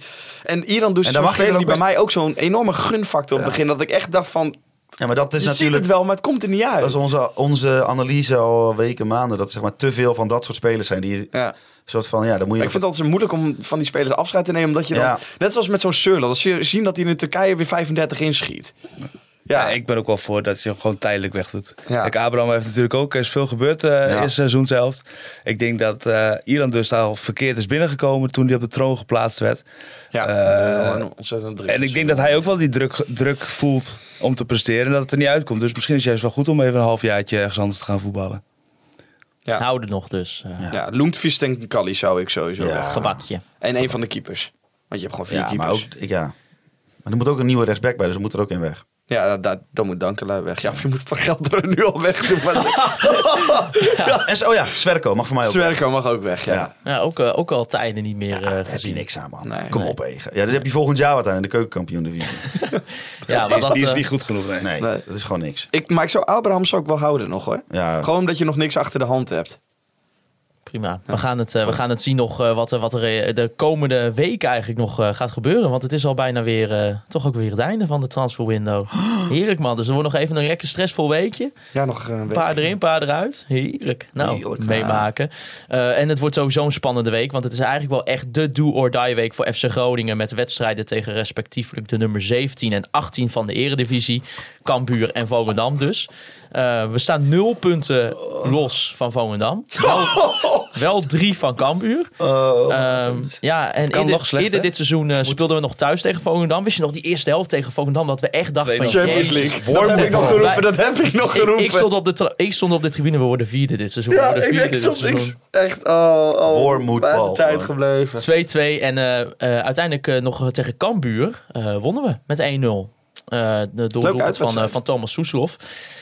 Ja, Peter, dit wordt een bigger knijpweek. Ja, je moet donderdag winnen. Simpel zat. Ja. je moet donderdag, eh, alleen al is het, het is een thuiswedstrijd. eh, om de sfeer binnen de club een beetje rustig te houden, moet je donderdag gewoon winnen. En Volendam uit, ja, uitwedstrijden, je, je moet hem winnen. Maar ik denk als je vier punten pakt, Dan nou, kun je tevreden zijn. ja, denk ik wel. Ik denk dat Volendam uit echt nog niet zo heel makkelijk wordt. Maar je moet donderdag thuis moet je winnen van Cambuur. Simpel zat. Ja, ik ben het ermee eens. En het lastige in deze situatie is normaal gesproken... Nou ja, bijvoorbeeld we hebben vandaag eh, de klassieker met, z'n- met, eh, met z'n allen gezien. Kijk, dan kun je gewoon, als, als, als, als het niet loopt bij Ajax... pleur je die trainer eruit en kom, laat je, haal- trek je een nieuw aan. Maar Ja. die, die ingrepen zijn er allemaal niet meer. Dus je moet het gewoon doen met deze groep. Ja, en maar- hopen dat Flederis er wat bij haalt. Maar wat je net ook al zei, ook alleen al voor de sfeer en zo. Ik zou niet moeten denken als Groningen donderdag verliest op Nee, je moet er niet aan denken dat. Daniel van Kamer in de 93 minuten 0-1 binnenschiet. eh. Nee, Ja. dat, nee. Ja, het gaat gebeuren. dat gaat er wel gebeuren. Nee, nee, ik ben... Ik denk dat we wel gewoon gaan winnen donderdag. Gewoon, zeg ik er ook even bij. We hebben drie keer gewonnen dit seizoen. Ja, het maakt ook gewoon even niet meer uit hoe je gaat Nee, winnen. Nee. Maar dat zie je toch ook bij die Nou, goal het- vanmiddag ook. Het moet gewoon echt een over mijn lijk mentaliteit zijn ook donderdag. Voor elke eh, Ja. graspriet die er ook maar op te vreten valt op dat veld, opvreten. Even voor Rutger Ottens dan snel nog even de voorspellingen. Hols, FC Groningen, Cambuur en eh, daarna Volendam gewoon. En 1-2. Dus twee keer 2-1 winnen. Peter, Ik ben altijd vier positief. punten zei je? 3-1-0-0. 0-0. 1-0 in de allerlaatste minuut. Ontketen in de Noordtribune. Oh, en, eh, zin in. ja, dat wordt heel leuk. En eh 1-1 bij Volendam. Ik ga voor 3-0 thuis. Uh, Volendam uit win je ook gewoon een keer. Ja? 0-2. En eh, ja, de berenknijpweek, dat, eh, dat wordt het. Eh, ik, ik hoop dat de sfeer nog goed is donderdagavond. eh, als het uh, Raadse fruitsignaal klinkt. Gaan, gaan we op stap dan? Als, eh, jij, jij bent er wel bij. Dan gaan we gewoon op stap toch? Ja, als Groningen dan wint. Als mijn baas luistert, ik kom niet vrij. Samen naar, de gro- samen naar de grote markt. Ja, denk ik. heerlijk. Ja, Die, die, die demo Groningse democratie, die wacht maar een dagje. prima. Ja, het, is, het is voor Holst ook beter als Groningen donderdag gewoon wint. Want eh, ik heb gelezen dat hij niet naar de kapper gaat doordat Groningen weer wint. Oh, is En dat voor, zo? mensen, eh, voor mensen die de, de Home Alone film kennen, dan Marv. Daar lijkt Wouter nu een beetje op. Ja, maar ik ga sowieso nog niet naar de kapper, want ik ben helemaal... eh, ja. Ik, vind- ik. Ja, zit in je lange haarfase. ik bezit in mijn lange haarfase. Ja, weet je wat, eh, wat Loenquist ook eh heeft eigenlijk? Ook die ook. Team, team Knotje. We hebben ook wel een beetje, we hebben ook wel een beetje vergelijkbaar gedrag, een beetje verdette gedrag. We Ja. denken allebei dat we heel goed zijn. Je maar hebt we ook wel een beetje een van. gebakje. Ja. Zeg ze bij over ook Mijn corners gaan ook altijd bij de eerste paal tegen de lul van de tegenstander aan. Ja, ja, zo is het. Ja. Prima, daar gaan we mee afsluiten. Eh, Peter, bedankt voor je komst. Ja, sorry ja, dat we hem zo moeten eindigen. De rage voorzet tegen de rul van de tegenstander. Wordt dat de titel? Dat wordt, Nee, eh, dat wordt niet de titel. Nee. Peter, bedankt voor je komst hier eh, in onze studio. Hopelijk nou, toch ook een beetje progressiviteit uiteindelijk richting, richting het uitwedstrijdenbereid in Nederland. Eh, jullie bedankt jongens voor het hier ook Ja, eh, zitten aan tafel. Ik wil natuurlijk ook Andy Zuidema bedanken voor de foto's die wij elke week gebruiken. B-Trip en de Online Retail Company voor het sponsoren van onze podcast. Samen met onze grote vrienden van Toupé. Want het kan allemaal zoveel makkelijker. Ik wil natuurlijk dat jullie gaan, eh, eh, ons gaan volgen via Spotify en Apple Podcasts. Raad ook even op Spotify een recensie achter. Je kan ons vinden op alle social media kanalen. Facebook, Instagram en Twitter. En als laatste wil ik jullie, de luisteraars, bedanken voor het luisteren naar Conforminder, de podcast.